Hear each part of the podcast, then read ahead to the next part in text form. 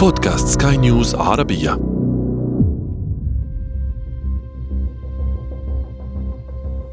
في سبتمبر من عام 2019 كانت كلو هاردي من ليسترشاير في بريطانيا تخطط أن تقيم حفل زفافها على جزيرة زاكنثوس في اليونان.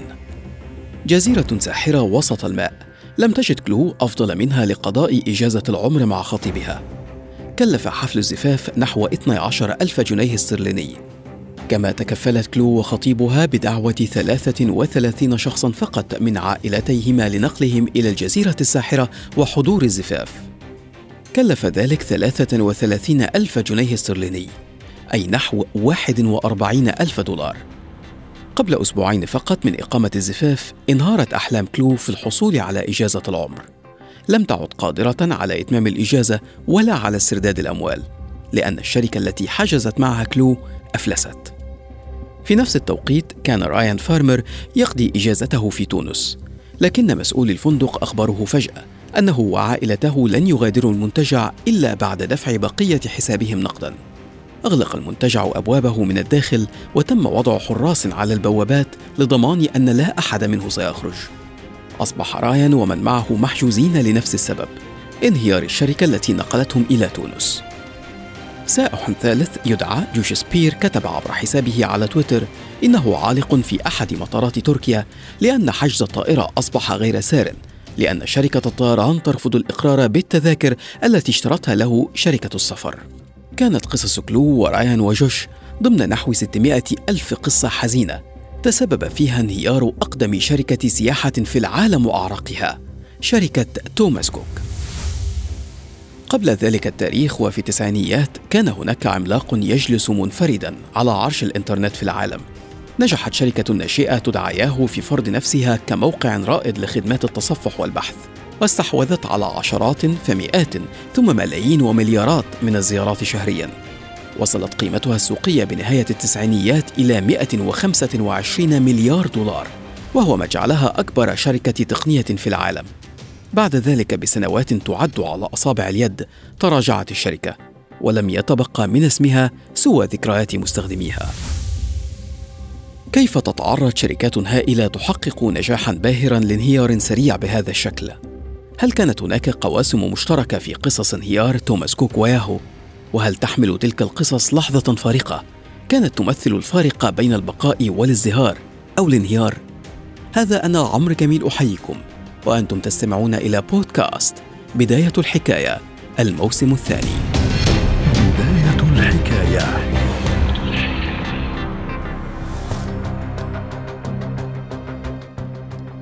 في عام 1841 أسس الإنجليزي توماس كوك شركة سياحة. استوحى فكرتها بعدما نظم رحلة لمجموعة أفراد عبر القطار ضد انتشار شرب الكحول. كان كوك متدينا وضد انتشار الكحول واندمج في كنيسة تواجه هذا الانتشار. وخلال رحلته الأولى نظم هذا النقل ل 500 شخص دفع كل منهم شلنا واحدا خلال الذهاب والعودة. وهكذا على مدار أكثر من 170 عاما توسعت عمليات الشركة من مجرد نقل الأفراد إلى تنظيم رحلات حول العالم. تتكفل فيها الشركة بتنظيم كل مراحل السفر. بدءا من رحلة الطيران التي حلت بديلا عن السفر بالقطار بالطبع وحجز الغرف الفندقية ووسائل النقل الداخلية وتوفير الوجبات وتنظيم الجولات السياحية وصولا إلى تنظيم حفلات الزفاف. كان شعار الشركة أن الشيء الوحيد الذي تحتاج إلى القيام به هو أن تحزم حقائبك. وبهذا النشاط الكبير توسعت أعرق شركات السياحة في العالم يعمل بها أكثر من عشرين ألف موظف وتخدم ملايين العملاء سنويا. وتنظم مئات الرحلات إلى عشرات الدول في قارات العالم المختلفة. ولكن في الحادي والعشرين من سبتمبر 2019 أعلنت الشركة إفلاسها أدى ذلك لتقطع الدروب بنحو 600 ألف سائح كانوا في رحلات تنظمها توماس كوك في ذلك الوقت. ترك الآلاف من دون معرفة كيف سيغادرون وجهتهم أو كيف سيعودون إلى أوطانهم. واضطرت الحكومة البريطانية للتدخل لتنظم عملية إعادة 150 ألف بريطاني إلى بلادهم فيما وصف بأكبر عملية إجلاء تقوم بها بريطانيا في أوقات السلم. لكن السؤال كان هو لماذا انهار توماس كوك؟ كان السبب المباشر هو فشل الشركة في تأمين مبلغ 200 مليون جنيه استرليني لسداد جزء من ديونها الكبيرة. غير أن أسباب انهيار الشركة كانت أعمق كثيرا. جاء على رأسها قدرتها على تحديث نفسها. فشلت توماس كوك في مجاراة منافسيها خلال العصر الرقمي. وفي الوقت الذي أتاحت فيه مواقع السفر عبر الإنترنت للسائح اختيار كل خدماته بدءا من توقيت وسعر رحلة الطيران المناسبة ونوع الفندق الذي ينوي الإقامة فيه والدفع عبر الإنترنت. كانت توماس كوك تصر على تقديم خدماتها بكلاسيكية معتمدة على الهاتف والفاكس. فشلت أيضا في مجاراة الأسعار. أصرت على تقديم حزم خدمات متكاملة في وقت أصبح السائح فيه يبحث عن عروض مخفضة. ثم ارتكبت خطأ يراه الاقتصاديون قاتلا حينما أنشأت في عام 2000 شركة طيران خاصة بها. كان من المفترض أن تسهم في زيادة موارد الشركة لكنها تحولت إلى خطأ كارثي بارتفاع تكاليف تأسيسها وتشغيلها وصيانتها في مقابل شركات الطيران المتخصصة. أسهمت أسباب أخرى في الانهيار.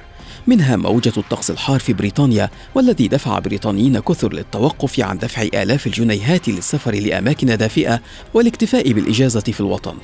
والاضطرابات التي شهدتها كثير من دول البحر المتوسط كتركيا ومصر وتونس والتي كانت أسواقا رئيسية لتوماس كوك. ثم جاء قرار الخروج من الاتحاد الأوروبي كرصاصة رحمة على الشركة لتتجاوز قيمة ديونها ملياري جنيه استرليني لم يكن تاريخ ياهو عريقا مثل توماس كوك. فقد تأسست الشركة في عام 1994 بهدف أرشفة الإنترنت وصنع منصة جذابة لاستكشاف المواقع المختلفة. ولكن وبسرعة الصاروخ صعدت الشركة لتنافس في البداية شركة أمريكا أونلاين التي كانت تحتكر تقريبا تزويد العملاء بخدمة الإنترنت في تلك الفترة. ثم أزاحتها ياهو عن الصدارة ووقفت كعملاق أوحد في عالم الإنترنت. من خلال تلبية طلبات الباحثين عن الأخبار السياسية والرياضية والعلمية وحتى أخبار المشاهير والباباراتزي بنهاية التسعينيات وصلت قيمة ياهو السوقية إلى 125 مليار دولار لتتفوق آنذاك على شركات مثل أبل ومايكروسوفت. ولكن مع بداية الألفية الجديدة ظهر لاعب جديد سمي بجوجل اللافت أن لاري بيج وسيرجي برين مؤسسا جوجل عرضا على ياهو شراء خوارزميتهما البحثية في عام 98 مقابل مليون دولار. لكن ياهو رفضت لاعتقادها أن الأفضل هو الاحتفاظ بالمستخدمين على موقعها لأطول وقت ممكن بدلا من تحويله إلى مواقع أخرى. وبعد أربع سنوات فقط من هذا التاريخ أثبت جوجل نفسه. ومع ذلك تم عرضه مرة ثانية على ياهو. هذه المرة بمبلغ خمسة مليارات دولار. بالطبع فشلت الصفقة لأن مسؤولي ياهو اعتقدوا أنه ليس من الحكمة إتمام صفقة بخمسة ألاف ضعف ما رفضوه سابقا.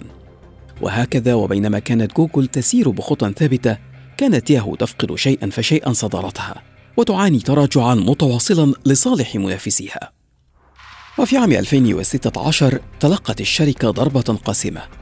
بعدما تم الكشف عن تسريب معلومات نحو 500 مليون مستخدم في واحدة من أكبر التسريبات في ذلك الوقت. انتهى الحال بياهو إلى بيعها لصالح شركة الاتصالات الأمريكية فيرايزن مقابل 4.5 مليار دولار.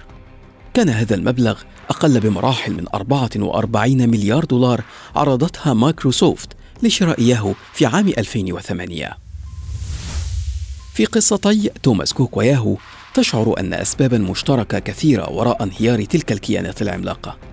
قصة ثابتة تقريبا.